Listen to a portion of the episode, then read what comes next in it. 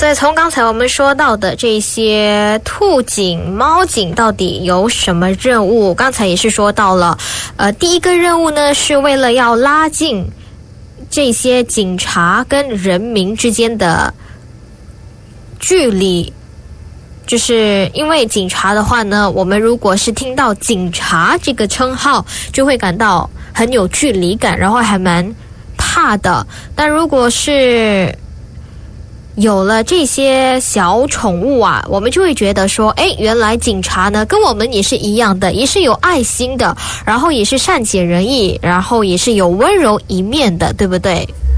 所以就不会太有那种距离感了。然而，今天说到的这位 Percy 兔警呢，他的首要任务其实就是要保持警察局里的每一位警察的健康，尤其是警察的精神方面的健康哦。因为尤其说是在美国啦，美国警察的这份工作呢，每天他们遇到的都是非常消极，然后特别不好的事情，然后又很。紧张的状态，久而久之，或多或少对于警察本身的精神健康呢，会有一定的影响。所以，这只兔警它每天都可以在警察局里自由的走动、漫游，好像是在巡查警官们的工作状态，对不对？但其实是为了当警官或者说警察在休息的时间，就可以和他轻松的玩一下，稍微的放下他。们手头上的案件，